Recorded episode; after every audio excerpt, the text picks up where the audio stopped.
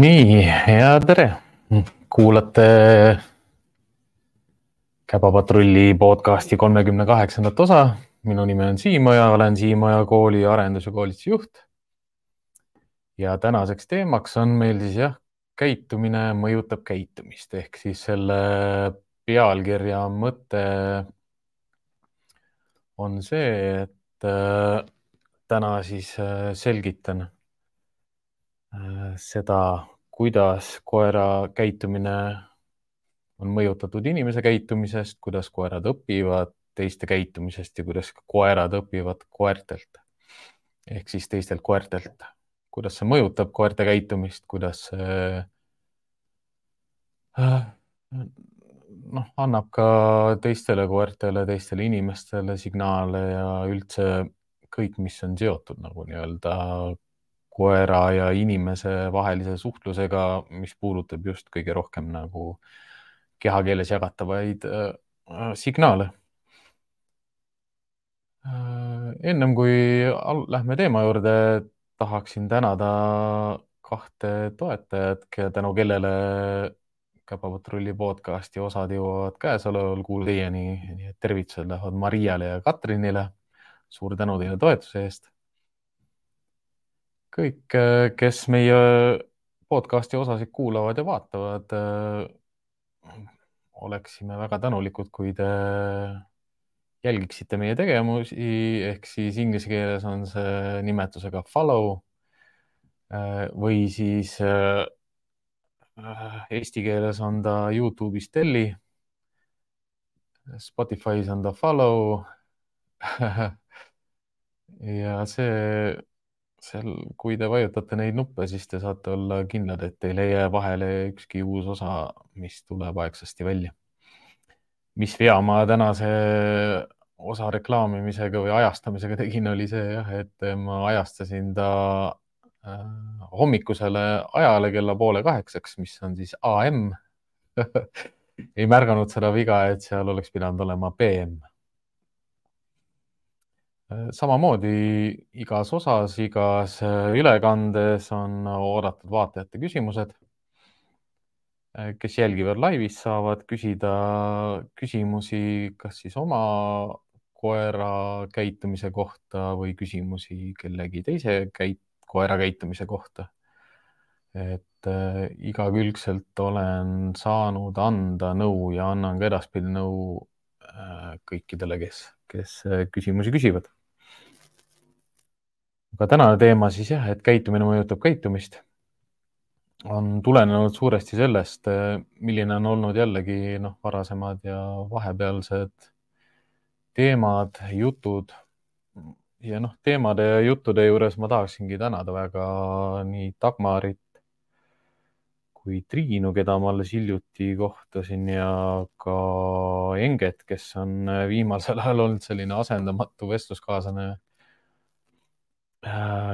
kellega noh, mis mulle meeldib just klientide ja, ja tuttavatega, kaasa arvatud Pedroga koerte vaatlemisel või koertest rääkimisel kõige rohkem ongi see, et see paneb sinu enda mõtted ja, ja kogemused ka sõnadesse selliselt, et sa räägid neid välja. Noh, üks, üks osa, mis inimeste selline miinus on, ongi võib-olla noh, see ei ole miinus, vaid see on selline omapära, et äh, tihtipeale mõeldakse oma peas lihtsalt asju Äh, korrastatakse oma mõtteid lihtsalt nagu ala, mitte alateadvuses, aga teaduses, aga mitte ei räägita neid välja, ei öelda lauseid välja, ei öelda mõtteid välja, ei panda mõtteid sõnadesse. Äh, noh, eks igaüks on ise ka märganud seda, et tihtipeale, kui sa proovid midagi sellist justkui seletada, mida sa ise tunned või tead, siis seda on väga raske vahest sõnadesse panna. see ongi inimese aju nagu eripära, et äh, tunded ei tule samast ajuosast, mis, millest tuleb kõnevõime ja sellepärast ongi tihtipeale nagu tundeid raske kirjeldada.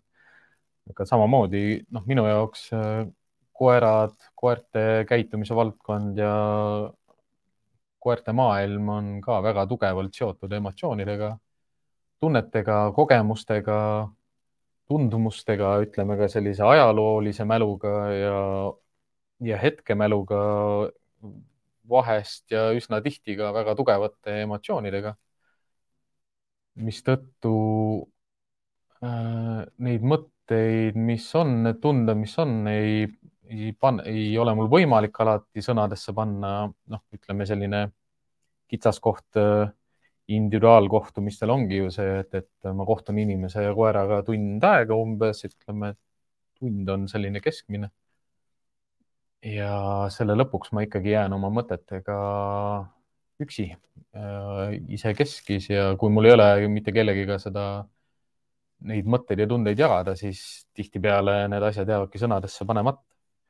Aga noh, ütleme selle tänase teema kontekstis on tegemist jah, millegi sellisega, mida ma olen saanud viimasel ajal sõnadesse panna ja mida ma järjest rohkem oskangi ise sõnadesse panna, et selgitada klientidele ära, kuidas nende käitumine mõjutab koera käitumist ja ka seda, miks koer käitub nii, nagu ta käitub teiste koertega.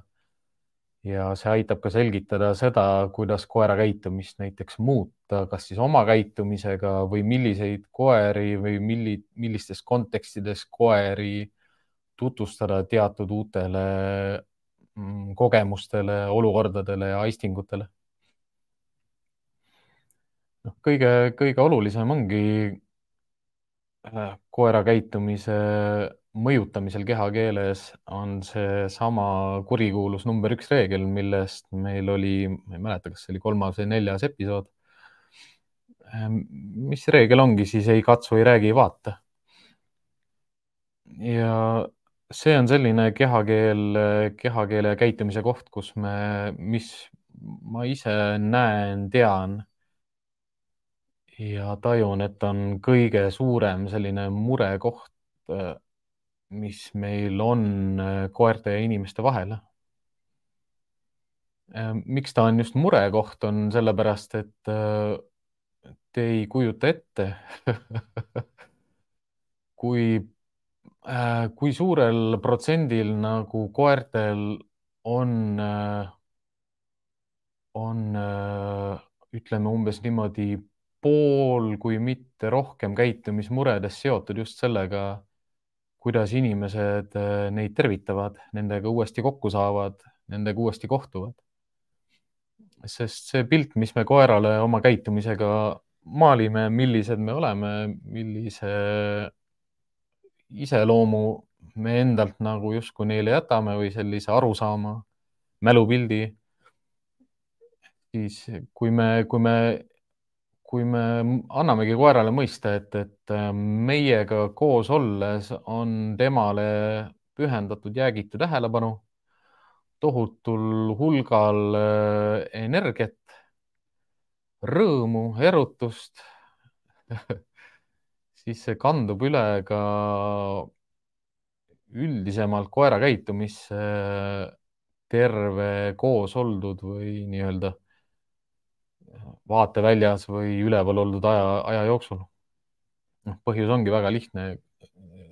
tegelikult noh, koerad õpivad ju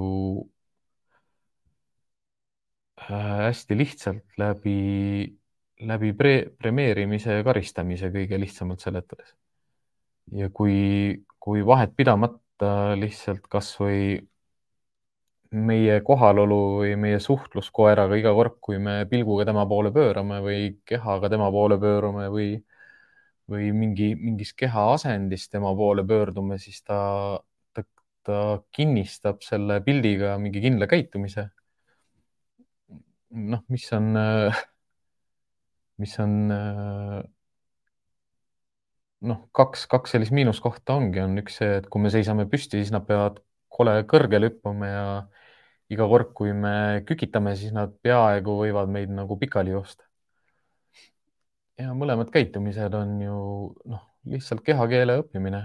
koer, koerad on sotsiaalsed loomad, kes suhtlevad üksteise ja teineteisega kehakeeles, nad saavad ka inimese kehakeelest aru. ja nad räägivad üksteisele väga palju kehakeelega mis, mis, mis tähendab ühtlasi seda, et nad suudavad ja nad jälgivadki oma silmadega inimese kehakeelt kogu aeg, igat väiksematki liigutust. noh, meie jaoks on äh, kõik sellised motoorsed liikumised ja läbiliikumised ja sirutused ja pikad liigutused on kõik justkui selline, et nagu, et noh, ma liigutasin oma kätt aga noh, koera jaoks, koer suudab jälgida ka seda, et mida me sõrmedega samal ajal teeme, mida ma samal ajal näoilmet, ilmega teen, kui ma seda kätt liigutan ja ta vaatab rohkem niisugust nagu suurt pilti ehk siis, mis on kogu, kogu pilt, mitte ja ta suudab samal ajal jälgida ka kõiki neid pisikesi märke, mis sinna juurde nagu käib. sest koerad üksteist loevad täpselt samamoodi väga väikeste kehamärkidega. ja, ja jällegi lihtsalt tuleb mõelda selle peale selliselt, et kuna õppimine käib väga kiiresti ja kergesti koertel, siis preemiaks ei ole vaja ju palju, et tihtipeale preemiaks piisab sellest puudutusest, häälest või, või pilgust ehk siis tähelepanu jagamine või puudutamine või, või koeraga rääkimine, hääle jagamine, lihtsalt hää, häälitsemine ehk siis noh, mida teatakse koerte treenimise valdkonnas kui häälega premeerimine. Noh, häälega premeerimisel muidugi kasutatakse tihtipeale seda, et, et äh, kasutatakse kogu aeg ühte ja samat mingit kindlat äh, fraasi või, või sõna, millega kinnistatakse siis seda, et äh, see käitumine, mida ta hetkel teeb, mulle väga meeldib. noh, klikerkoolitus on sellele ehitatud äh, ameeriklastel väga hästi, hollandlastel hästi, prantslastel hästi, eestlastel ei ole nii hästi natukene pikad, natukene venivad, natukene keeruliselt ebamugav öelda, võib-olla isegi inimestel igasugused hästi ja tubli. et äh, inglise keeles on lihtsalt jess ja, ja, ja noh, prantsuse ja hollandi keeles on seal üldse veel lühemad, need, nad suudavad väga palju kasutada selliseid noh, spontaanselt tulevaid sõnu Mm, äh, mis on lihtsalt ühesilbilised. nagu ja. noh, ma ei tea, ma ei oska täpselt äh, nende keelt nagu rääkida, aga ma tean, et ka Ameerikas on äh, sellised professionaalsed koerte koolitajad, kes kasutavadki näiteks Hollandi lambakoeraga hollandi keelt, kes kasutavad Belgia lambakoeraga belgia keelt prantsuse keelt kasutatakse, sest äh, prantsuse ja belgia keeles on, noh, Belgias räägitakse ka ilmselt mingil määral prantsuse keelt, on äh, need käsklused on palju lühemad ja selgemad ja koeral lihtsamalt mõistetavad. et see teebki nagu prantslaste ja belgiaste jaoks nagu koera treenimise lihtsamaks, sest nende, nad saavad häälkäskluseid kasutada väga lühikesi ja täpseid. Äh, noh, kuidas, kuidas koera jaoks nagu pilt ja heli kokku lähevad, ongi, ongi tihtipeale sellega, et niisugust lühikest konkreetset heli on neil lihtne õppida. ütleme maksimaalselt kaks silpi on see, mida, mida nad suudavad väga kergelt nagu õppida. noh, eesti keeles ongi istu, lama, siia, anna, võta, ee see, too. et ei ole selliseid pikki sõnu, polegi mõtet kasutada pikemaid sõnu ja ei olegi vaja kasutada pikemaid sõnu, aga alati on koeral abiks, kui saab kasutada lühemaid sõnu.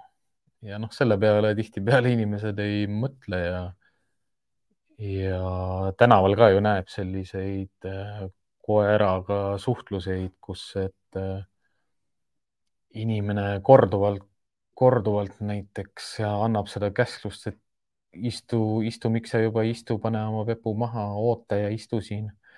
ja noh, teine variant oleks see, et siia, siia, siia, tule siia, noh, nimi ka veel sinna otka, otsa, ütleme nimi, käsklus, tegusõna.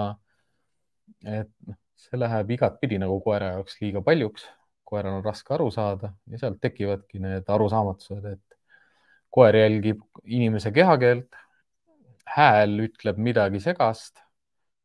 võib-olla ta isegi noh, teab mõnda fraasi sellest häälest, mida ta teeb või seda tonaalsust, mis selle häälega kaasneb ja sellega kaasneb kehakeelt, aga lõppkokkuvõttes ta ikkagi ei saa aru, mida ta tegema peab.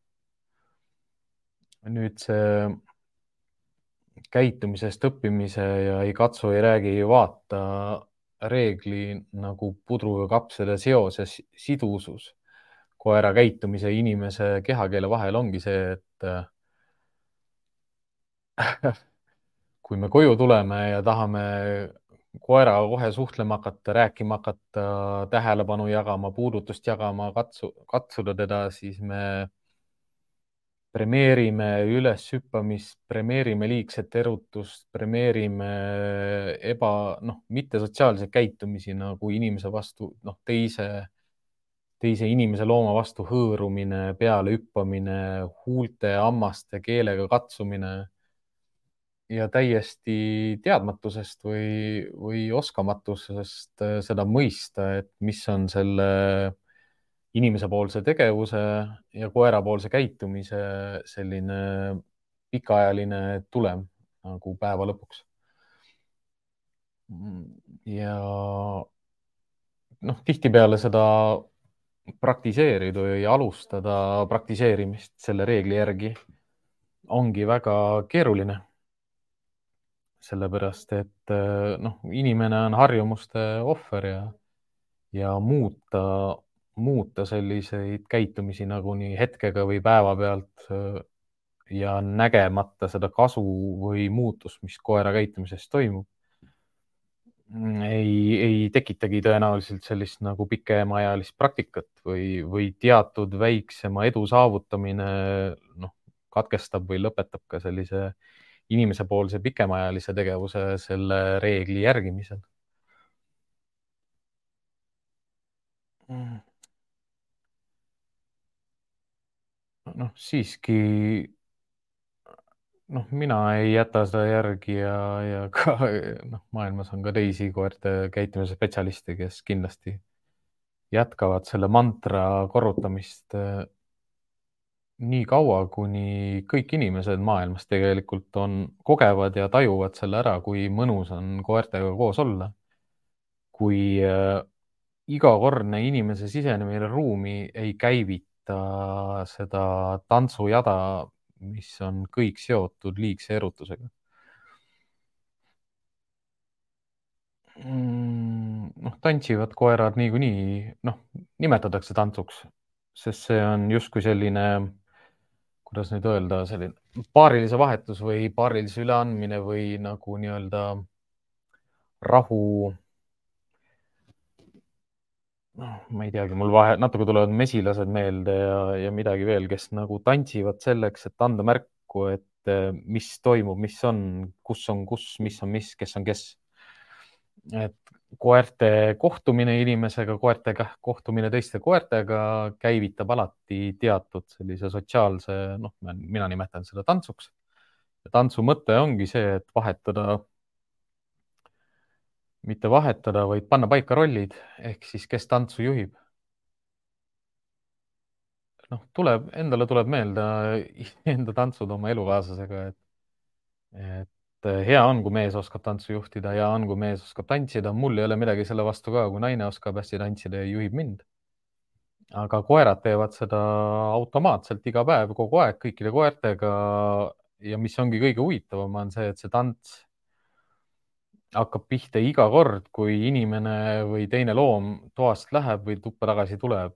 Äh, ütleme, et seal vahepeal peaks olema kuskil kaks kuni viis minutit sellist nagu ära oldud aega, mis on, äh, ütleme, selline minimaalseim aeg, peale mida jälle hakkab uuesti see tants pihta. noh, kõikide koerte puhul seda ei näe, sellepärast et äh, tantsida ei ole vaja, kui kui reeglid, piirid ja rollid on selged. et üldiselt juhtivale koerale teised koerad ei tantsi, sest ei ole vaja. tantsitakse ju just siis, kui, kui on ebaselge, mis juhtus, mis edasi saab ja kuhu me minema hakkame, mis toimuma hakkab, kes on kes kui see on segane, siis sa pead iga kord tantsima, sellepärast sa pead aru saama, et mis täna on üsna levinud, noh, ütleme, kui nüüd kellelgi on rohkem aega ja tahtmist, siis äh, kasutage näiteks Nuf-Nufi päevahoiuteenuseid ja võtke aega niimoodi, et te lähete sinna päevahoidu oma koera ära viima selliselt, et teil on aega olla ka natukene seal ja lihtsalt vaadata. Noh, millest millest te aru saate sellisel puhul ongi see, et, et kui koerad kokku saavad, siis nad peavad iga kord tantsima hakkama, sellepärast et äh, need koerad on erinevad. Need äh, reeglid ja pered, kust nad tulevad, on erinevate reeglite ja rollide pagasiga ja iga kord, kui nad jälle kokku saavad, siis nad peavad tantsima hakkama ja vahest on see tants väga intensiivne, vahest on see vähem intensiivne, vahest näeb teiste koerte puhul sellist täielikku anti, ebasotsiaalset käitumist ehk siis teistele peale hüppamine, haukumine, urisemine. Ja nii edasi ja nii edasi, mis tegelikult ju ei ole sellise tasakaalus sotsiaalse rahuliku suhte loomise eelduseks mida, mida kõik koerad tegelikult oskavad praktiseerida. aga kõige suurem, kõige suurem nagu see segadus koerte maailma tekibki ikkagi läbi, läbi selle, et nad elavad inimestega koos. Et nii, nii nagu vastuoluline, isegi kui see ei kõla, siis noh, inimestega ongi see probleem, et tihtipeale me ei oska võtta sellist rolli koera jaoks, keda koer saab usaldada ja austada kohe esimesest päevast peale või sünnist saati või kutsikest peale ja pikalt-pikalt pärast seda ka, kui tal on hambad ära vahetunud, kui ta on suguküpseks saanud, kui tal on esimene jooksuaeg, emased koerad, isased koerad natukene varem, ütleme seitsmes, kuues-seitsmes kuu, emastel niisugune kaheksas-üheksas kuu. et need, ütleme see, see kehakeel, need, need tegevused, need käitumised, mis me oleme jõudnud mm, kolmkümmend päeva kuus, mitu kuud järjest kutsikale, noorele koerale, uuele koerale, vanale koerale, kes on meie juurde tulnud, õpetada sest koerad õpivad kogu aeg iga meie liigutuse pealt, iga meie käitumise pealt, iga meie kehakeele, hääletooni, silmaliigutuse, kätt, käeliigutuse, kehaliigutuse pealt, siis mm, miks, miks inimesed on kõige rohkem süüdi selles, et koerad on äh, antisotsiaalsed, ongi sellepärast, et me ise õpetame neile väga palju selliseid piirituid ja reeglituid käitumismustreid, mida nad hakkavad teiste koertega praktiseerima, mistõttu nad võivad kohe langeda agressiooni või sellise paranduse ohvriks. noh, ma ei ütleks, et ta, ta ei ole ohver selles mõttes, et, et see, et see kahju on pikaajaline või et ta nüüd saab väga palju kahju, ta on pigem ohver sellepärast, et lihtsalt talle on õpetatud kuni sinnamaani kõik kõiki sotsiaalseid rolle ja reegleid valesti, mispärast ta võib saada karistada teiste koerte käest, aga nad õpivad jällegi väga-väga kiiresti ja noh, kes kiiremini, kes vähem kiiremini, see oleneb hästi palju ka sellest, kes õpetab.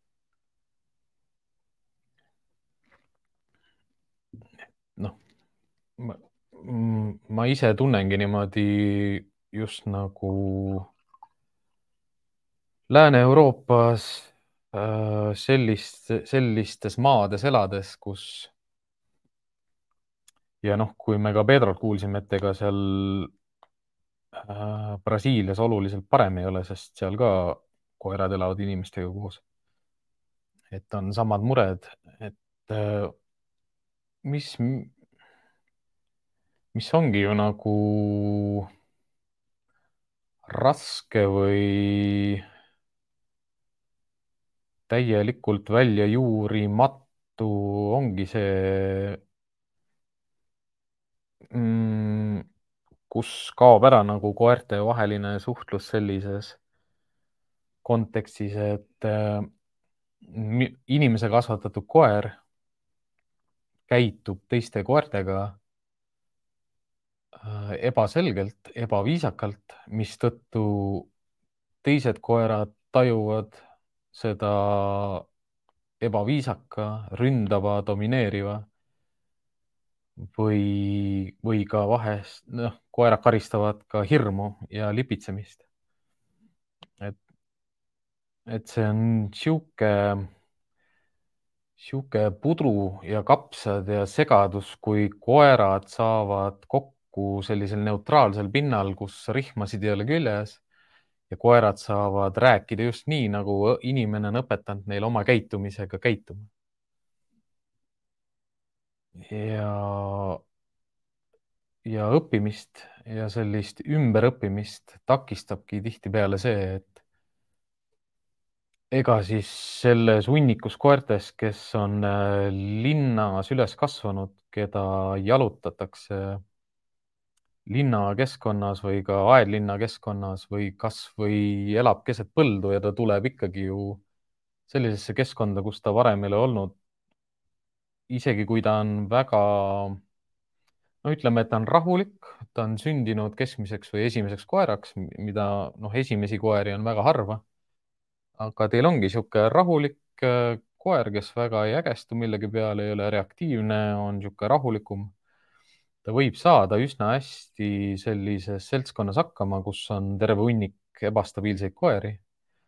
aga päeva lõpuks ei õpeta mitte keegi mitte kedagi selle kogemuse ma sain äh, Kutsika koolist.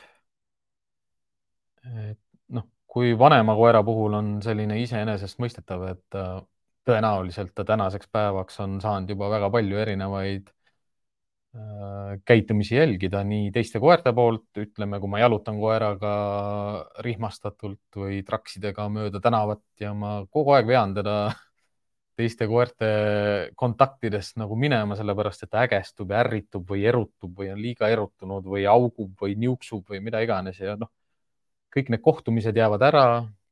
Tema arusaam teistest koertest on täpselt seesama, mida teised koerad räägivad talle, kes samamoodi on rihmastatult frustreerunud ja auguvad ja kraabivad ja hüppavad. et noh, päeva lõpuks nad ei olegi saanud kunagi nagu rahulikult, normaalselt, neutraalsel pinnal suhelda nüüd see punt koeri pannakse kõik äh, ühte tuppa või no ühte ruumi, kus nad liiguvad vabalt ja saavad hakata suhtlema või vähemalt proovida suhelda. ja mis seal, mis seal nagu välja joonistama hakkab, ongi see noh, erinevad koeratüübid, erinevate koerte arusaamad sellest, millised reeglid, piirid ja piirangud kehtivad.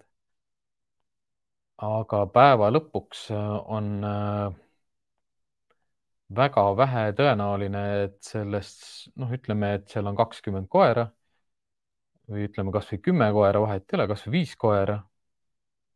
tõenäosus, et seal kümne koera hulgas on üks koer, kes oskab teisi õpetada, on, see võimalus on ikkagi üks selline üks tuhandele, noh, ei ütleks tegelikult, et ta nii väike on. ma ütleme Kutsika kooli baasilt ütleks, et ta on selline üks sajale või üks kaheksakümnele. et kuskil üks koer kaheksakümnest on selline, kes oskab ja saab ja suudab teisi koeri õpetada. miks see nii on?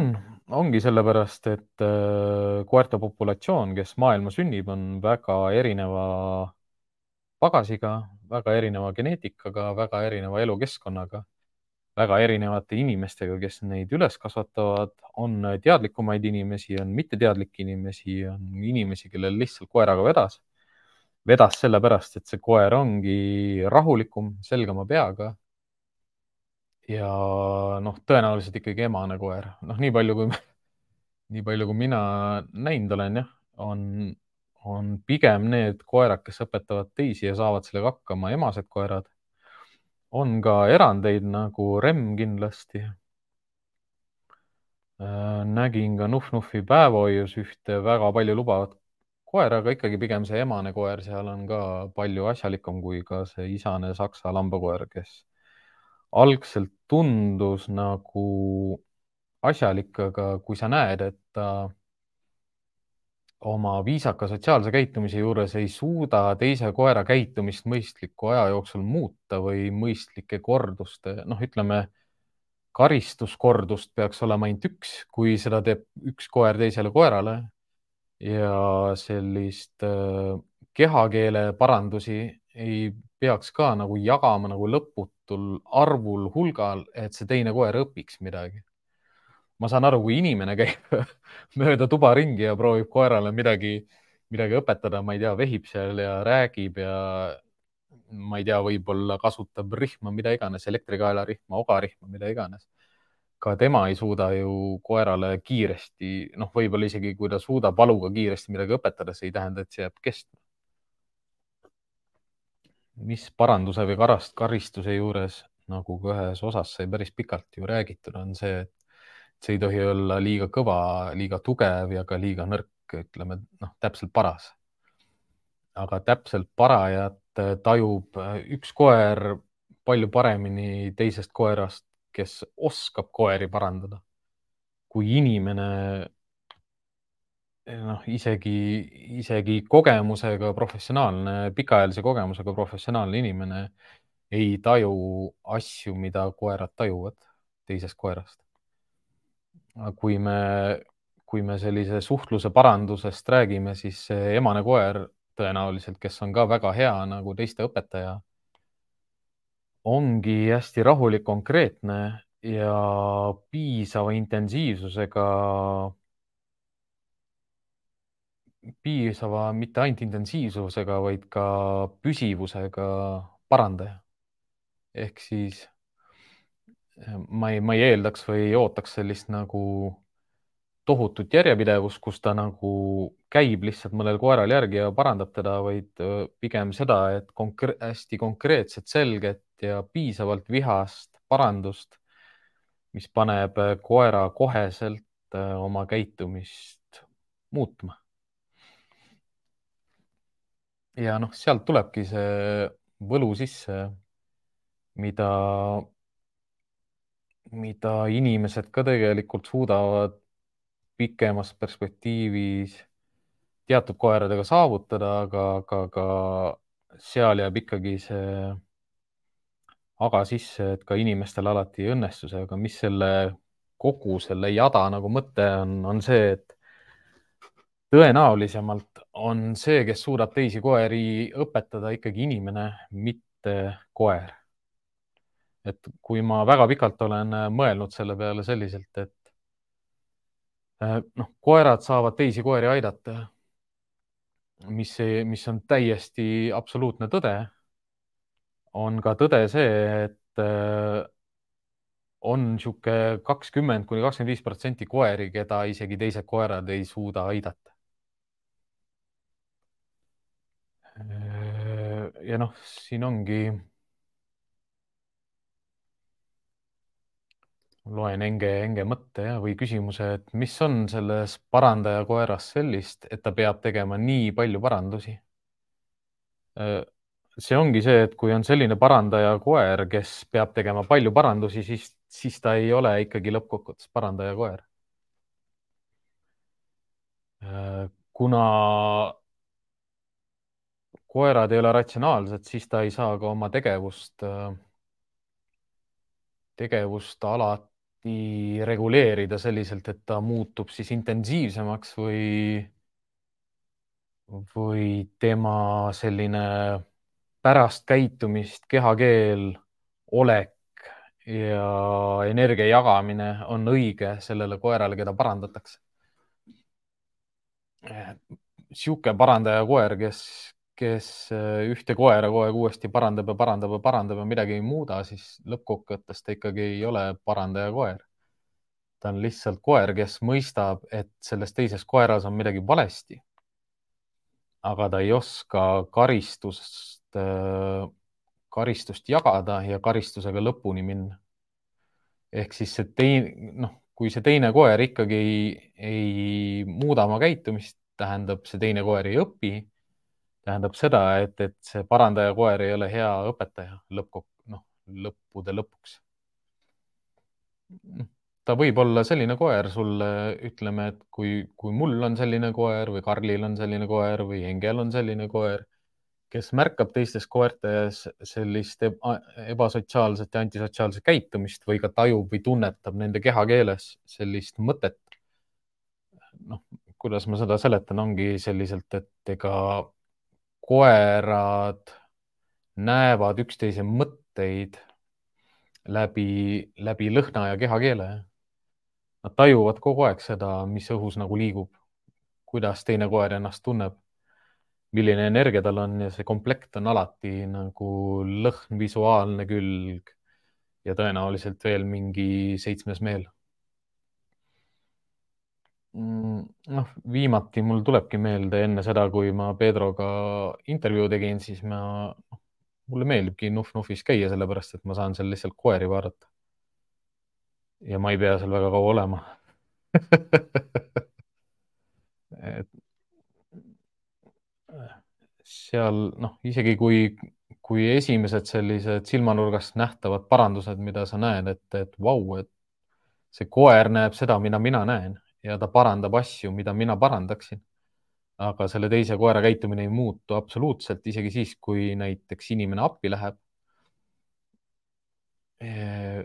Siis on kaks, noh, seal on, seal oli kaks miinust nagu, üks asi oli see, et see koer, keda parandati, tema energiatase oli väga-väga kõrge, noh, et kui tavaliselt on madal, keskmine või kõrge, siis selle koera energiatase oli väga-väga kõrge. Mis ei tähenda seda, et seda ei saa langetada lihtsalt kõrgeks, aga kui, kui koer on väga pikka aega olnud frustreerunud kuskil liikumatult või vähese liikumisega korteris või majas või aias elanud, ega sa ei paranda seda ühe päevaga, isegi kui sa väga-väga tahad. ja noh, see oligi, see oligi see probleem või noh, niisugune küsimus, mis seal tekkis, et tegelikult lõpuks me tegime niimoodi, et me eraldasime selle parandaja hoopis teise ruumi. sest äh, mis selle dünaamika juures oli nagu valesti, oli see, et see koer, keda parandati, sellele meeldis, et teda parandatakse. noh, kuidas, kuidas seda, kuidas mina seda seletan, ongi selliselt, et osadele koertele meeldib, et teised koerad neid ründavad just sellepärast, et vähemalt keegigi parandab neid. aga kuna see parandaja ei ole selline, kes suudab oma kehakeelega selgitada oma käitumisega sellele teisele koerale ära, miks ta seda teeb, siis ka see parandatav või nii-öelda käit-, see, kelle, kelle käitumist parandatakse, tema käitumine ei muutu, sest ta sest ta mõttelaad ei muutu, ta energia ei muutu, ta käitumine ei muutu ja ta tõuseb uuesti püsti, hakkab uuesti kordama sedasamat äh, käitumismustrit. ja see käibki lihtsalt jälle uuesti ja uuesti, sellepärast et mitte keegi ei ole sellele stoppi pannud. ja noh, veel vähem kui see, kellele stoppi pannakse, meeldib, talle pannakse stoppi või teda hoitakse kinni või teda surutakse maha. noh, see saksa lambakoer suruski selle noh, ta oli selline šnautseri laadne, hästi suur, suur šnautser äkki oligi. Ta võis teda isegi maha suruda, aga jälle selle maas hoidmisel ja mahasurumisel on ka ju olulised reeglid ja rollid, kuidas seda tehakse. ja kui see maashoidja on ikkagi teatud määral nagu pehme või, või mitte sellise õige meelelaadiga, kus ta kus ta saab hakkama, siis see teise koera käitumine ei muutu lõplikult. noh, lihtsalt tegemist ongi pikemaajalise protsessiga, kus saab seda parandaja koera aidata sellega, et lihtsalt seda suuršnautserit rohkem liigutada, ära väsitada. Kus äh, erutuse tase langeb nii madalamaks või vähemalt sellisele tasemele, kus, kus äh, parandus hakkab läbi, no hakkab kohale jõudma Äh, ja Inge, niisugune täiendav küsimus ongi siin, et kas hea parandaja koer võib ka kehvemat parandajat õpetada paremaks parandajaks? Ma näen küll sellist võimalust, jah. Noh, see, see töötaks eriti veel nagu noortemate koerte puhul, aga töötaks ka sellisel puhul, kui see, see koer, keda õpetatakse, on võtnud selle parandaja koera oma õpetajaks. Noh, kes on rohkem koertega tegelenud või rohkem koertega koos liikunud või erinevaid koeri kokku pannud ja, ja eraldanud, siis aeg-ajalt näete sellist asja, kus koer valib tervest sellest koerte, koerakarjast valib endale ühe koera välja ja ma ei mõtle, ma ei mõtle selliselt, et isane koer valib endale emase koera välja, keda siis äh, ila, ilastava suuga mööda tuba ringi ajada, vaid äh, sa saad aru, et ta järgib teda. noh, ta õpib talt, ta liigub koos temaga, ta tahab temaga koos olla. Talle meeldib temaga koos olla ja ta tunneb ennast turvaliselt ja hästi temaga koos. siis see koer saab õpetada ka teisi koeri parandama lihtsalt see õpetatav koer on alati hästi lähedal, kui see parandaja koer oma tegevustega tegeleb ja see õppiv koer lihtsalt tajub seda energiat ja seda käitumismustreid ja neid justkui nagu energia ja mõttevahetusi, mida koerad teevad. õpibki sellest äh, ka parandama teisi koeri. Aga koerad võivad täiesti iseenesest õppida teisi koeri parandama ka, et mida ma Kutsika koolis väga palju kogesingi, oli see, kuidas noh, alguses ma tegin Kutsika kooli gruppi kuni kuuekuuste koertega. võib-olla nende koertega ma õppisingi kõige rohkem, aga ma õppisingi kõige rohkem seda, et äh, ma pean nad varem Kutsika kooli saama et, et jah, need kuni kuuekuused koerad õpetasid mulle kui koera käitumise huvilisele sellel ajal ja ka Kutsika kooli nagu algaja, algajale õpetajale seda, et äh, kui agressiivsed noored koerad juba on, kui nad on viie-kuue-kuused. ja, aga mida ma ka väga palju nägin, oli see, et äh, kui näiteks esimesel või teisel kohtumisel mõni emane koer veel ei teadnud oma väärtust ja ei kaitsnud oma vara, siis juba kolmandal kohtumisel Äh, oli see kaitsmine palju tugevam, võib-olla liialt agressiivne ja, ja neljandal kohtumisel juba paras ja, ja alati juba piisav ja, ja piisas juba edaspidi lihtsalt pilgust või huulte liigutusest või keha, keha keeramisest. Selleks, et juba kutsikad ka oskaksid üksteisele nagu ruumi pakkuda. ja, ja oli ka selliseid koeri, kes olid väga kartlikud esimestes tundides, noh täitsa, täitsa selles mõttes lukus, et äh, asjade all peidus kogu aeg jooksevad eest ära, põgenevad. noh, teised koerad hakkavad tema vastu juba huvi tundma, sellepärast et äh, miks ta ennast niimoodi tunneb, noh, miks ta ennast halvasti tunneb. Sest koerad on üldiselt sellised loomad, kes tahavad teisi aidata Nad aitavad hea meelega inimesi, nad aitavad hea meelega teisi koeri, nad aitavad ka teisi loomi, kui nad tajuvad, et nad on hädas. Äh, selles raamatus, mis on Born to Bark, seal on üks lõik ka, kus Stanley Cohen kirjeldab, kuidas ta see karniterjer toob lammutama, lammutama mineva maja alt kassipojad välja. Noh, tema kuuleb ainult kassipoegade piiksumist ja ta arvab, et terjer läheb, on ju, maja ka piiksumise peale, noh, äh, hävitama, sest maal olles ta tapab rotte ja hiiri ja püüab linde ja noh, Stanley Cohen arvab, et ta on äh, Stanley Cohen, kes ei tea, on jah, koerte käitumise spetsialist või selline psühholoog, ta ise on, äh, ise on hariduselt inimpsühholoog või kliiniline psühholoog ja ta kirjutab väga huvitavaid raamatuid koertest ja koerte käitumisest. nagu koerte psühholoogiast ja vist ongi geniaalsed koerad või oli see intelligentsed koerad, on tema, tema raamat.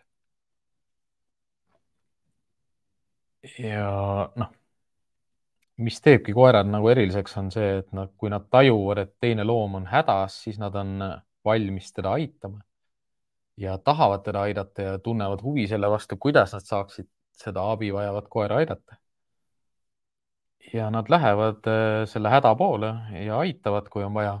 isegi kutsikad teevad seda nagu väga oskuslikult.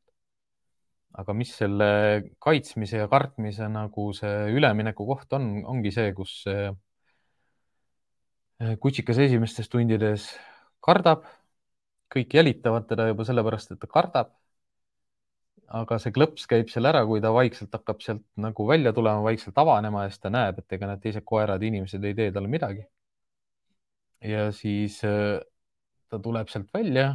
iga kord, kui mingid koerad tema poole liiguvad, siis ta ajab nad eemale, ta vaatab, et see hakkab vaikselt tööle. Ta õpib selle tunnetuse nagu kätte, et kui intensiivne see peab olema, et koerad tast eemale hoiaksid. noh, miinus või selline nõrgem koht siin on, ongi see, et ta õpib seda umbes nelja teise koeraga, et noh, mul kutsikakooli gruppides oli kuni viis kutsikat, sest ma ei jõua rohkem koeri mitte kunagi korraga jälgida. ükski inimene ei suuda, noh, isegi viis on juba noh, peaaegu võimatu. Ja noh, mis olid sellised intensiivsemad perioodid, olid siis jah, kui oli kahe grupi nagu vahetus ehk siis üks grupp lõpetas ja järgmine grupp alustas, et siis ikka vahest oli korraga nagu kümme koera saalis. aga noh, käitumismustrid jäävad ikkagi koertel ju samaks, kutsikatel ka samaks ja need, kes kardavad, need kardavad, need, kes ei karda, need on sõbralikud ja need, kes on ülevoolavalt sõbralikud, need saavad kogu selle hunniku enda peale aga kutsikate puhul ja jälgida sellist, kuidas nad õpivad ennast hoidma, ennast kaitsma, enda ümber piire kehtestama. mida noh, samal ajal saad jälgida nagu inimeste käitumisest, et äh, mitte ükski inimene seda ei tee kutsikad jooksevad ringi, inim-, hüppavad inimeste peale istuvad, jooksevad üle inimeste, jooksevad inimestele otsa, noh. ja inimesed ei vasta mitte kunagi selliselt, nagu koerad üksteisele vastavad, ehk siis noh, koerad üksteisele ei luba selliseid asju teha. urisevad, hakkavad mängima, pakuvad muud lahendust, ütleb, et ära hüppa mu peale, teeme hoopis niimoodi, ära hammusta mind, teeme hoopis niimoodi ära katsu mind, teeme hoopis niimoodi, ära tule nii kiiresti, ma siis ei mängi sinuga, siis ma üldse väldin sind, ma ei tahagi sellise koeraga mängida, kes on niisugune energiapomm. inimesed teevad nagu kõik asjad risti vastupidi. kutsikas tuleb juurde, laskutakse põlvili, hakatakse tite keeles rääkima, musitatakse, paitatakse, tõstetakse ülesse mida, mida iganes, aga noh mis, mis noh, minu kutsikakooli puhul oli hea, oli see, et ega läbi nende käitumiskorduste sain ma ka inimestele väga tihti ja korduvalt selgitada seda, mida mitte teha.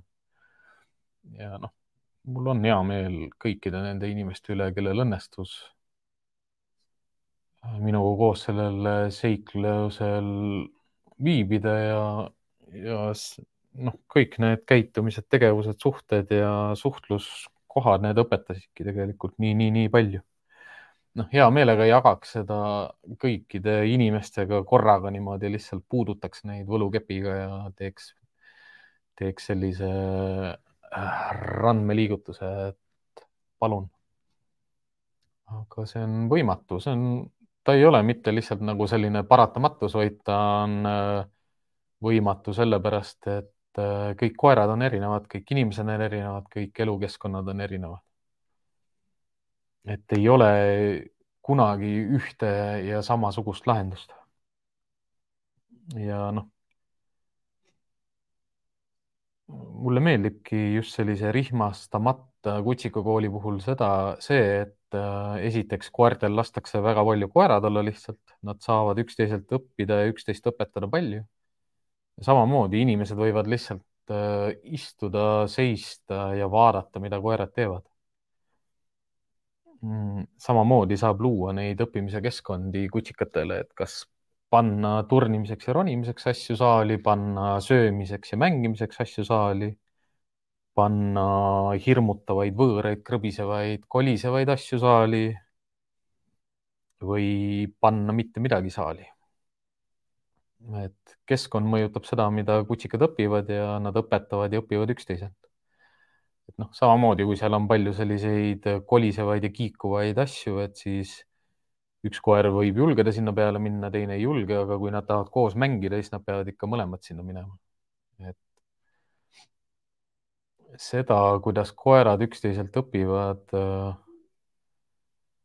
on lihtsalt lust vaadata ja mis on selliste puurivabade päevahoidude, noh, mitte ainult Nuhv-Nuhv, vaid on ka erinevaid neid koera, noh, öeldakse koeratalud või koerahoiud, kus ka koerad tegelikult saavad koos veeta täitsa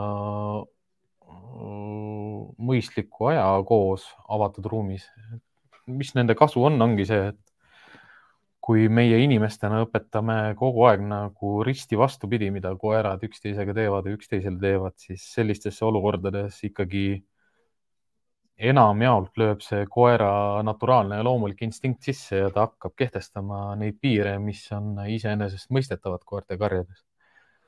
ja tagasi saadki natukene rahulikuma koera, natukene selgemalt piire tajuva koera, aga mis on nagu murekoht, on see, et inimesed ei hoia reeglitest, piiridest ja piirangutest kinni, ei ole sihikindlad ja järjepidevad ja koer läheb väga kiiresti vanade käitumismustrite juurde tagasi lihtsalt sellepärast, kuidas koerad õpivad. et äh, koerale õpetatud käitumismustreid tuleb hoida koeral meeles. vähemalt iga kahe kuu tagant ehk siis noh, kui ma võite võite olla üsna kindlad, et kui te lähete komandeeringusse kuskile või reisile ja see on pikem kui kaks kuud, siis kui te sealt tagasi tulete, siis noh, hea on, kui ta mäletab, kes te olete. et noh, eks ta ikka mäletab, aga, aga sellised äh, käitumised, mis te olete talle varasemalt õpetanud, võivad olla meelest läinud ja sinna asemele tulnud on terve plejaad nagu uusi käitumismustreid, mida on õpetanud talle noh, näiteks see inimene, kellele ta, ta hoida jätsite et noh, samamoodi on, on käitumise kujundamisel väga sellised nagu drastilised muudatused, mida mina olen näinud, kogenud ja tajunud, on, on sellised noh, teise ringi koerad, kolmanda ringi koerad, noh, olen ka koolitanud viienda ringi koera omanikke. et koer käib perest perre ja, ja inimese käest inimese kätte ja üks ei saa hakkama ja teine ei saa hakkama ja kolmas ei saa hakkama ja neljas ei saa hakkama ja siis lõpuks viies küsib äh, abi, et kuulge, et kuidagi peaks ju hakkama saama. et ma ju näen, et, et see koer ei ole täiesti nagu lootusetu juht. ja siis, kui ma lõpuks sinna jõuan, ega siis ma saangi aru sellest, et äh, ka viies inimene ei ole suutnud veel koerale koera keeles selgeks teha, kuidas me käitume üksteisega. miks me käitume nii, nagu me käitumine, käitume ja, ja mida minu käitumine sulle peab signaalina andma, mõista. et noh, harva on, harva on olnud selliseid kordi, kui, kui saab kliendile öelda, et, et ma täitsa võtaksin veel ühe koera siia karja juurde, et noh, kuna see esimene, esimesel koeral on väga palju õpetada, näiteks järgmisele koerale ka häid kombeid ja olekut, aga ka tõenäoliselt sellele koerale nagu järgija või sellise õppija andmine looks ka sellise koosluse, kus mõlemad saavad õppida. noh, vanemale koerale kutsika juurde toomine ei ole peaaegu mitte kunagi nagu halb mõte ja noh, need väljundid on alati selline, et kas kas sellel vanemal koeral tuleb meelde, et äh, see on ka üks variant nagu looduses olemiseks. kas tal tuleb meelde oma kutsika põl, põli nii-öelda või need lõhnad, mis on sellega seotud? või ta lihtsalt äh, saab jälle sellise uue teistmoodi energia, uue teistmoodi kogemuse, mis rikastab tema maailma väga märkimisväärselt või siis ka vastupidiselt ehk siis noh, mis, kui ma ise võtsin endale teise koera noh, veel teenistuses olles juurde, siis põhiline mure ju, mis tekkis, oligi see, et, et kaks koera on äh, kaks korda sama palju aega. jah, jalutamas saad käia nende mõlemaga mõlemaga koos, aga treeningplaani ja treeningväljundit pead ikkagi täide viima mõlema koeraga eraldi.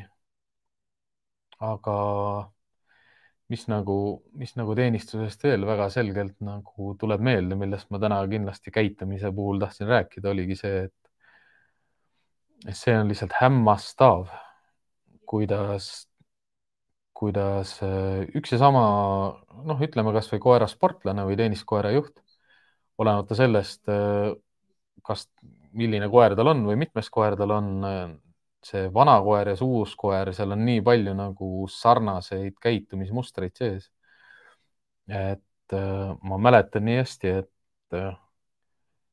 ma ei eksinud peaaegu mitte kunagi, kui noh, kuna tihtipeale, tihtipeale teenistuses nagu treeningutel käies, ega ma ei kohta kõiki lõuna koerajuhte, ma ei kohta kõiki ida ja põhja ja kagu koerajuhte.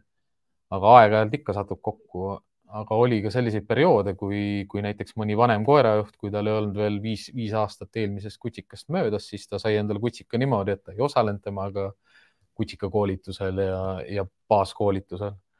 siis oli täitsa võimalik, et ma nägin uut koera alles äh, aastaselt või pooleteistaastaselt. Aga mis oli kõige hämmastavam, oli see, et, et sa saad selle uue koera järgi, noh, sa ei pea nägema, kelle koer see on sa saad selle uue koera käitumise järgi aru, kelle koer see on ja, ja küsidki niimoodi enam-vähem, et kuule, kas see on Andrei koer või? jaa. sest äh, noh.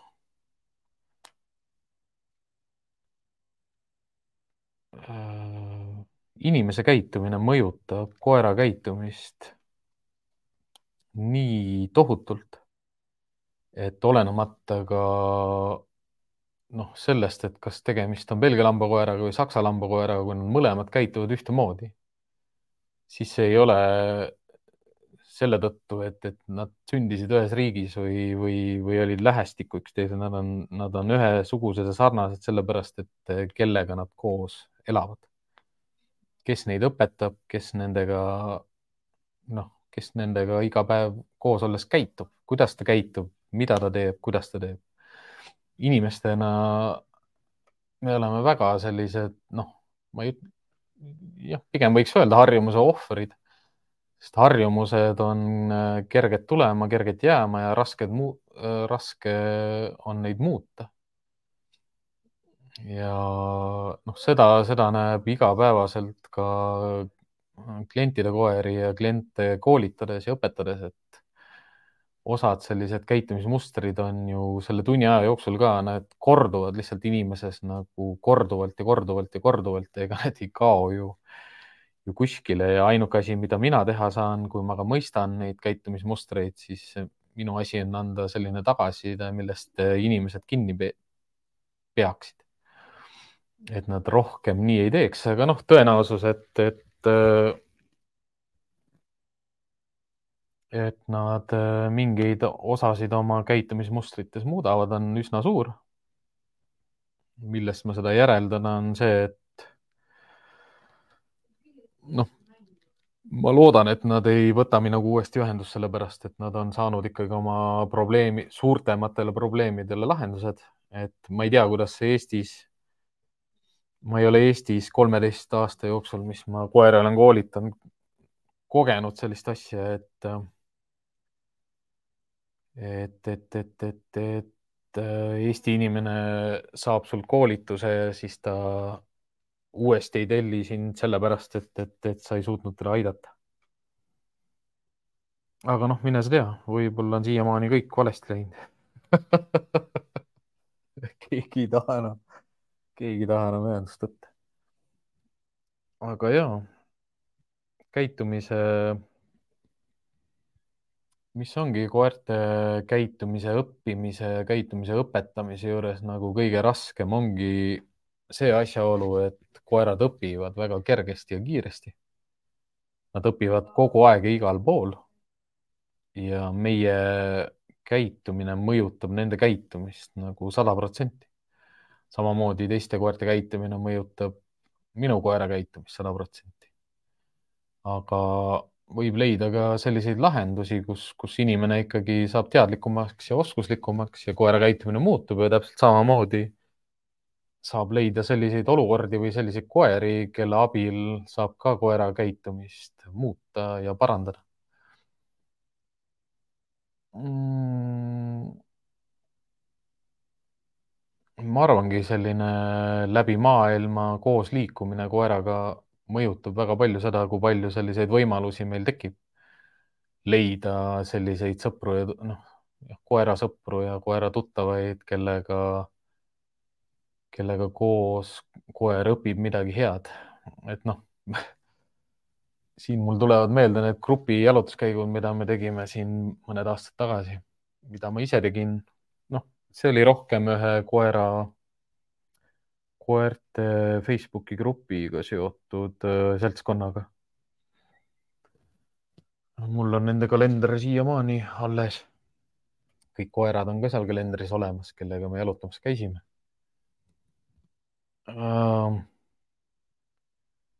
mida ma hästi palju tundsin ja tajusin sellistelt grupi jalutuskäikudelt oli see, et kui koerad, kui me saimegi koertele anda teatud sellist vabadust või, või, või aedikutes ringi jooksmist, siis kõikide inimeste ootus on automaatselt selline, et noh, miks nad ei mängi.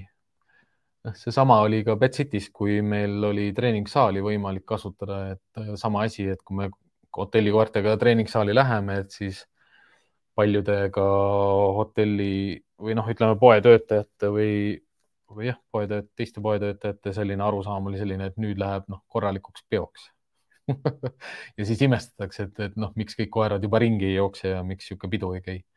sest see ei ole nagu tegelikult mitte kuidagi koerte selline loomulik äh, või ainukene või, või, või pidev või läbiv käitumismuster, kus nad jooksevad sihitult ringi ja mängivad lihtsalt hommikust õhtuni või, või või peavad olema erutunud ja rõõmsad nagu kogu aeg.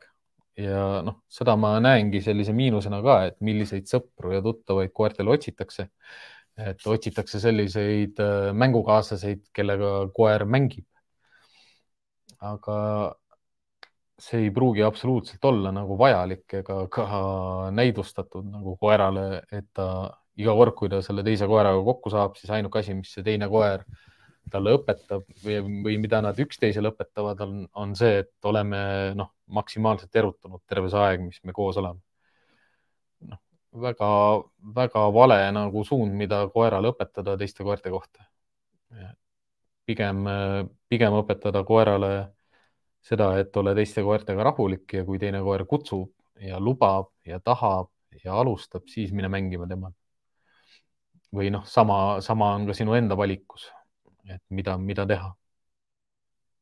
noh, see ongi teatud mõttes selline leppimine sellega, et väga paljud koerad on sellised, et nad ka suudavad lihtsalt rahulikult olla ja enamus koerad tahavadki lihtsalt rahulikult olla.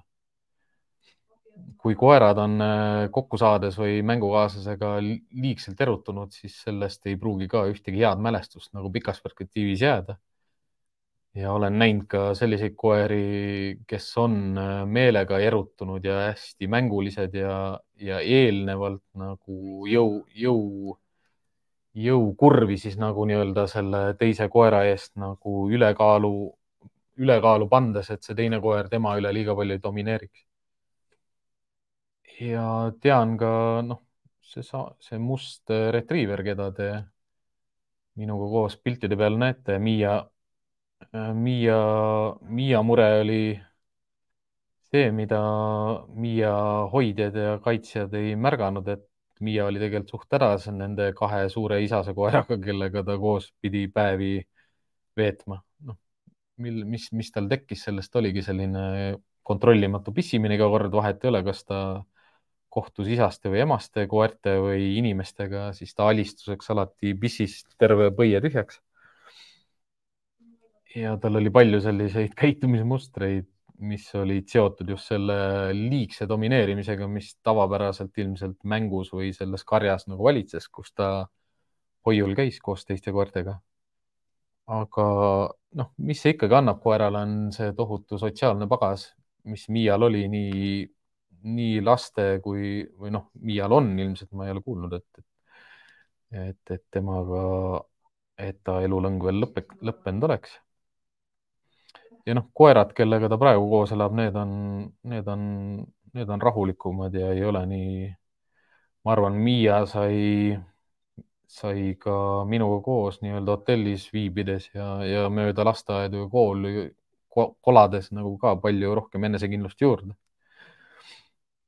mistõttu on, on lootust, et ta suudab ka isaseid paika panna edaspidi, aga noh, tõenäoliselt ikkagi mingid sellised tugevamad äh, reaktsioonid on tal ikkagi alles jäänud just selle alistumisega seotud.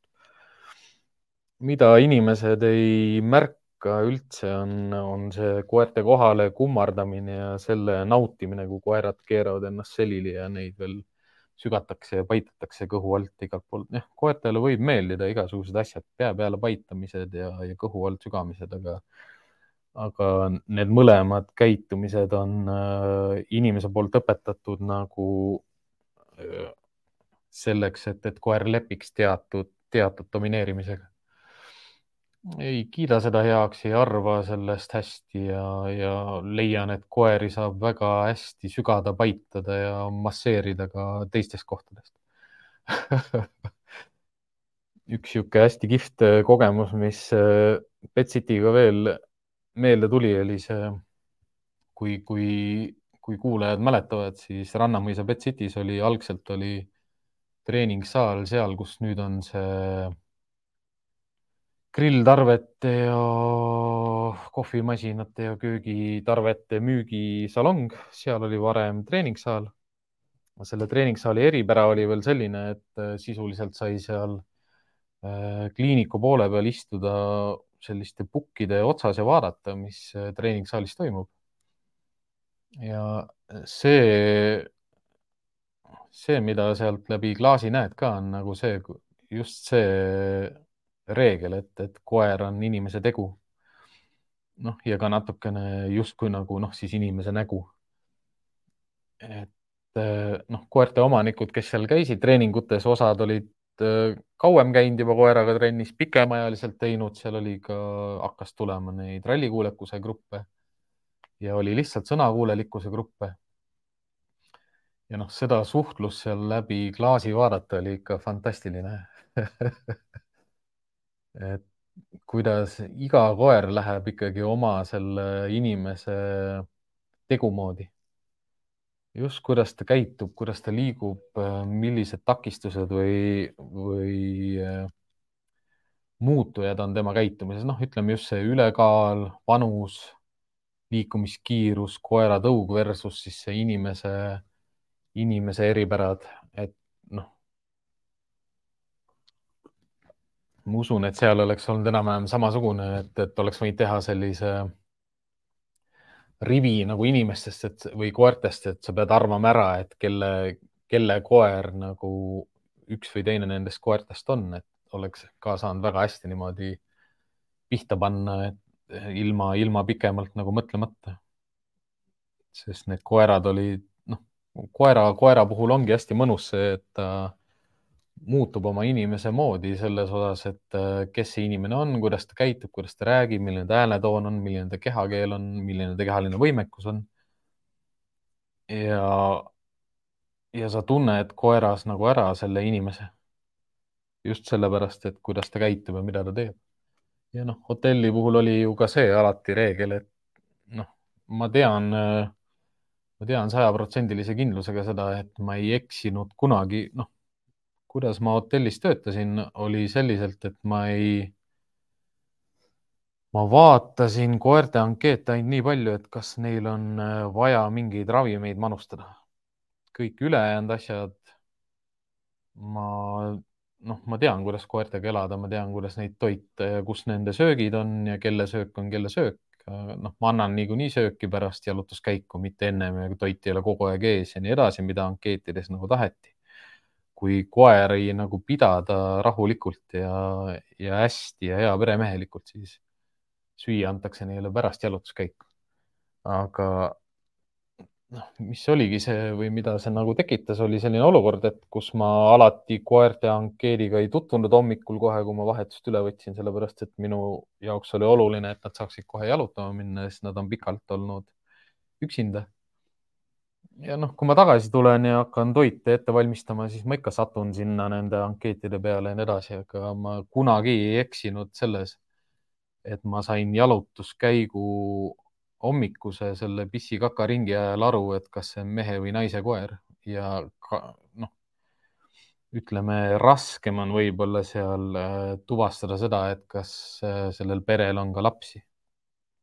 noh, seda ei ole raske tuvastada, et kas kas äh, pere lähitutvusringkonnas on lapsi, aga seda on väga kerge tuvastada, et kas see on mehe või naise koer.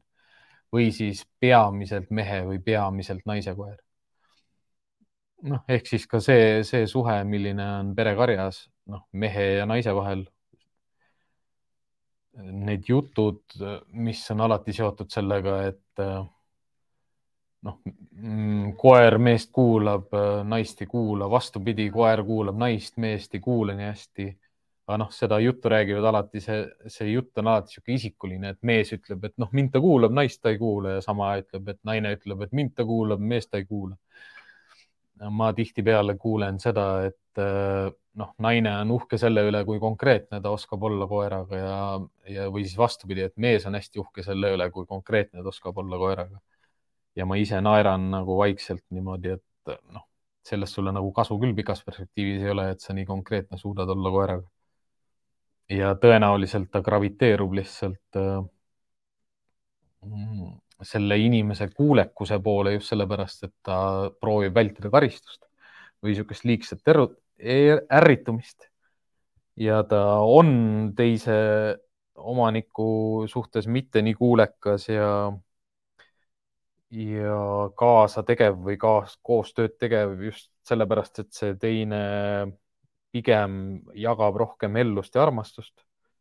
noh, mis on mõlemad sellised, noh, koer on nagu keset, keset kahte dihhanoomiat nagu, mis üks on ebastabiilne ja, ja ärritunud ja teine on, teine on ebastabiilne ja, ja pehme ja, ja emotsionaalne. Et noh, koeral on vaja sellist rahulikku enesekindlat äh, juhti, kes on lahke ja, ja koostöö koostööle suunatud, noh, koos, koos tegutsemisele, koos liikumisele, koos, koos tegemisele suunatud. ei ole nõus teatud selliste väidetega jah, et äh, on, on olemas koeri, kes ei vaja liikumist, et kui nad õues liikudes kardavad kõike, et siis ärge nendega õues käige, et nagu noh. Kuidas, kuidas teda siis nagu pikas perspektiivis aidata saab, kui, kui tal ei, kui ta, kui jah, ma saan aru, et seal võib olla mingeid selliseid võimalusi, et sa saad toas nagu kehtestada piisavalt oma rolli karjas sellise hea lahke juhina. aga sa ei saa ikkagi koera liigutada või koera keha liigutada, mis vähendaks oluliselt tema noh, nii-öelda füüsilist stressi, mitte vaimset stressi. Et noh, jälle see käitumise käitumisega ongi niimoodi, et kui, kui inimese käitumine mõjutab koera käitumist, teise koera käitumine mõjutab koera käitumist, siis koerte puhul on kolmas aspekt veel, et koera enda käitumine mõjutab koera käitumist. see, mida ta saab teha, mida ta ei saa teha, mida ta kordab, noh. mul on hea meel, kui inimesed ei ole kunagi kogenud sellist asja, nagu on foobiad või sundmõtted aga kui on sellised sundmõtetega koerad või teatud foobiate või stressiga või frustratsiooniga koerad, kes närivad oma saba otsast ära, lakuvad oma käpad paljaks täiesti, hauguvad päev läbi, teevad koha peal ringe, ajavad varje taga või päikese neid jänkusid. hauguvad, närivad, lakuvad ja seda nagu korduvalt, noh, nüüd see viimane näide, ma ei tea, kui Triin ka täna kuulab, siis noh, üks näide on ka see, koerad, kes kogu aeg püherdavad püherdavad maas või noh, ongi noh, ütleme sundmõtete alla lähevad ju sellised käitumised, mis korduvad äh, regulaarselt, korduvad kindlalt ja regulaarselt iga natukese aja tagant. Noh, see läheb sundkäitumise alla ja sundkäitumise põhjuseks on alati stress või või frustratsioon lihtsalt äh, midagi, mis koera häirib või mis talle tekitab seda rahulolematust või erut-, ka erutust, see võib olla ka midagi erutavat, midagi noh, justkui nagu positiivset, aga ta, ta lõpuks on nii palju erutust, et tekitab juba negatiivset stressi või ehk siis see, see erutusest tuntav stress on juba negatiivne, sellepärast et on ülevoolavalt palju ja koeral tekib siis selliseid äh, sundkäitumisi, kus ta seda negatiivset energiat kulutab millegi peale. noh, see võib olla kasvõi iseenda lakkumine, noh, teatud, vahet ei ole, käpad, kube, äh, mis iganes piirkond. ja see käitumine on tulnud sellepärast, et koer on stressis ja tal on frustra-, noh, negatiivset energiat palju ja see käitumine mõjutab ka koera käitumist äh, ju pikas perspektiivis ja ka hetkes äh,. hästi kihvt koer oli üks Shiba Inu, kes ka samamoodi lihtsalt põrnitses varje maas, aga noh, kui sa näed sellist käitumist või see on mingi selline käitumiste jada, siis sa ka tead, et, et see käitumismuster on tulnud sisse just sellepärast, mida tehakse või mida ei tehta, mida ei märgata või mida ei nähta.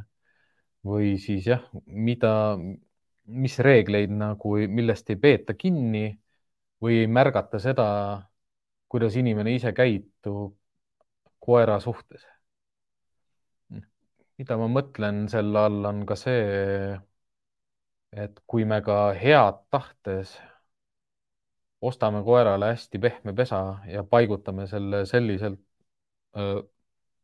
eluruumi, et ta kas siis on aknalaua peal, diivani peal, koridoris, ukse ees, kus ta kogu aeg on pandud tegelikult sellisesse valvaja positsiooni.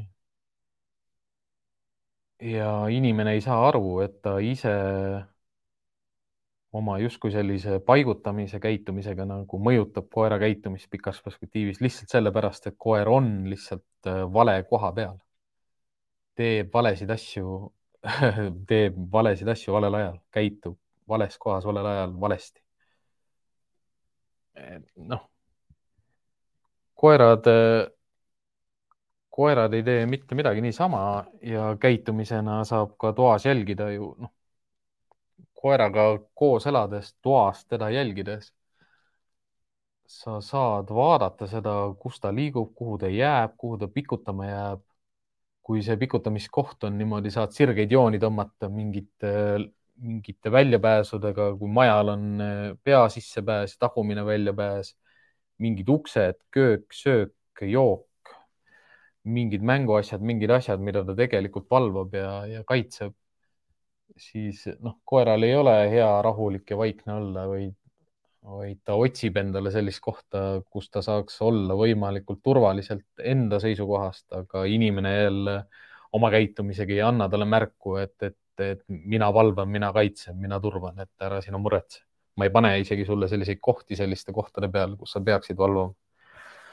et noh, koerad ei ei lähe koridori magama ainult sinna sellepärast, et seal on hea hämar ja natukene jahedam, vaid nad magavad koridoris ka sellepärast, et nad on siis täpselt ukse ees ja see on kontrolli all. ja nad saavad kontrollida nii väljumist kui sisenemist. ja noh, siukseid asju on äh, koerte käitumises palju, mida nad äh, teevad, mida meie inimesena ei mõista kui, kui kindlat suunitlusega käitumist niisugune hästi hea näide on ka see, et kui koer lihtsalt pikutab kuskil ja me liigume ja koer ei lähe eest ära. noh, meie jaoks on ta jah, lihtsalt selline koer on laisk, ei viitsi, aga koer saab iga kord kinnitust, et, et kui inimene liigub, siis ta ei pea eest ära minema. järelikult inimene ei ole see, kes koera liigutab, koer on see, kes liigutab inimest. ja noh, ongi noh, siin viimaste vestlustega Engega ongi vist läinud niimoodi, et et on, on koeri, kellel on vaja, et iga väiksemgi detail, ütleme sellistest karja õigustest ja mängude võitudest peab inimese poole kalduma. nii kaua, kuni veel üks asi ei ole paika logisenud, on koera jaoks lõplikult äh, käitumise selline lugu äh, lõpuni arusaamatu ja koer ikkagi veel on tasakaalust väljas ja paigast ära. noh, mõnes mõttes seda võibki, äh, osade koertega on lihtne, et tema pusle on selline, et seal on neli tükki, noh, sihuke tit, tit, titade pusle, et sa laod lihtsalt neli tükki paika natukene näed vaeva, natukene keerad, lõpuks paned õiget pidi ja pusle on koos ja kõik töötab. noh, siis on niisugune kahekümne tükiga koerad siis on sellised viiekümne tükiga koerad, on ka neid saja tükiga koeri, on kahesaja tükiga koeri ja on ka selliseid tuhande tükiga koeri. aga noh, tegelikult noh, ei, ei panekski seda arvu tegelikult nii tuhandesse, ütleme, et ta on rohkem selline noh, ikkagi jääb sinna kuskil kahesaja tüki juurde koeraks, kelle, kellega saab koos elada täiesti nii ka, et pool puslet on kokku pandud. noh, enamuste koertega saab elada koos nii, et pool käitumispuslest on kokku pandud. ja kõik need, noh, siit tuleb natukene sisse see, see, mida ma hakkan järgmise nädala teisipäeval tutvustama Nuff-Nuffi kutsikakooli õpilastele, on see koera majandamise abc ja kus see põhiline viga nagu sisse tulebki, on see, et, et äh, Need on äh, kaks eraldiseisvat puslet. üks pusle on see treenimise pusle, kus me peame istu, lama, seisa kõrval, anna, too, vii, näita, ese, noh, on kõik, mis me oleme õpetanud talle sellest treenimise puslest. Ja siis on see teine pusle, mis me õpetame talle käitumise puslest. Ja käitumise pusle ongi see, mil, mis tuleb tegelikult ennem kokku panna, kui sa hakkad treenimise puslet kokku panema. See on justkui nagu selline eelpusle. Noh, ma usun, et paljudel on selline pusle kokkupanemise kogemus olemas, et, et sa laod kõigepealt selle serva kokku, sest seda on nagu lihtsam kokku panna ja siis sa hakkad sinna sisse alles puslet ehitama. et koera, paljud koerad töötavad juba väga hästi siis, kui see välimine serv on kokku laotud, ehk siis kogu see käitumise repertuaar, mis on äh, käitumine kodus, käitumine tööl, käitumine õues, käitumine teiste koertega, käitumine teiste inimestega, käitumine teiste loomadega, see pusle on kõik. käitumine toiduga, käitumine mänguga, kõik see pusle on kokku laotud siia ümber ilusti. kõik koerad saavad ainult selle servaga elatud niimoodi, et see on kenasti raamitud äh, elu, äh, jah, sihuke eluruum ja siia sisse võid hakata laduma kõike seda, mida sa tahad veel lisaks nagu koerale õpetada, koerale selgitada, koerale näidata, koerale juurde teha. aga paljud, paljud hakkavadki seda puslet nagu kokku laduma sealt keskelt mingitest suvalistest osadest. Treenivad eh, koerale käskluseid, eh, oskuseid, tegevusi, käitumismustreid olles mitte seda raami veel ümberringi kokku ladunud ja ootavad nagu justkui head ja kiiret tulemust, mis on, moodustab terviku, aga noh, sealt ei tule seda. pigem ongi hea koeraga lihtsalt käituda nagu koeraga, nii nagu koerad saavad käitumisest aru. ja mõista seda, mida koerad käitumises inimese käitumise juures vajavad, et ei ole vaja väga palju rabeleda äh, neile uute käitumiste õpetamisega, vaid lihtsalt käituda nendega kui koertega. Tänaseks ma tõmban jah otsa kokku. tänan kõiki vaatajaid ja kuulajaid, tänan kõiki toetajaid veel kord järgmise nädala teemat ma täna veel ei tea. Äh, külalise, külaliste toimetamisega ei ole jõudnud praegu peaaegu mitte üldse tegeleda. kui keegi tahab äh, saatesse külaliseks tulla, siis andke teada, kui keegi teab kedagi soovitada, andke teada. ja noh huvitavad teemad ja olulised teemad on jätkuvalt äh, igal kolmapäeval kättesaadavad ja teie ees, teie kõrvades ja teie silmades. ja noh, mida rohkem te ise panustate selle vestluse või dialoogi või ka monoloogi sisusse, seda kasulikum on see kõigile.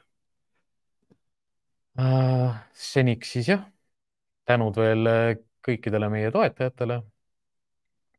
kuulake meid jälle järgmise nädala kolmapäeval kell pool seitse. kõik osad on kättesaadavad ka Apple podcastides ja, ja Spotify's. ja kuni järgmise kuulmiseni, siis tuletan teile endiselt veel ikka meelde, et teadmatus ei ole lollus. head õhtut. tšau-pljau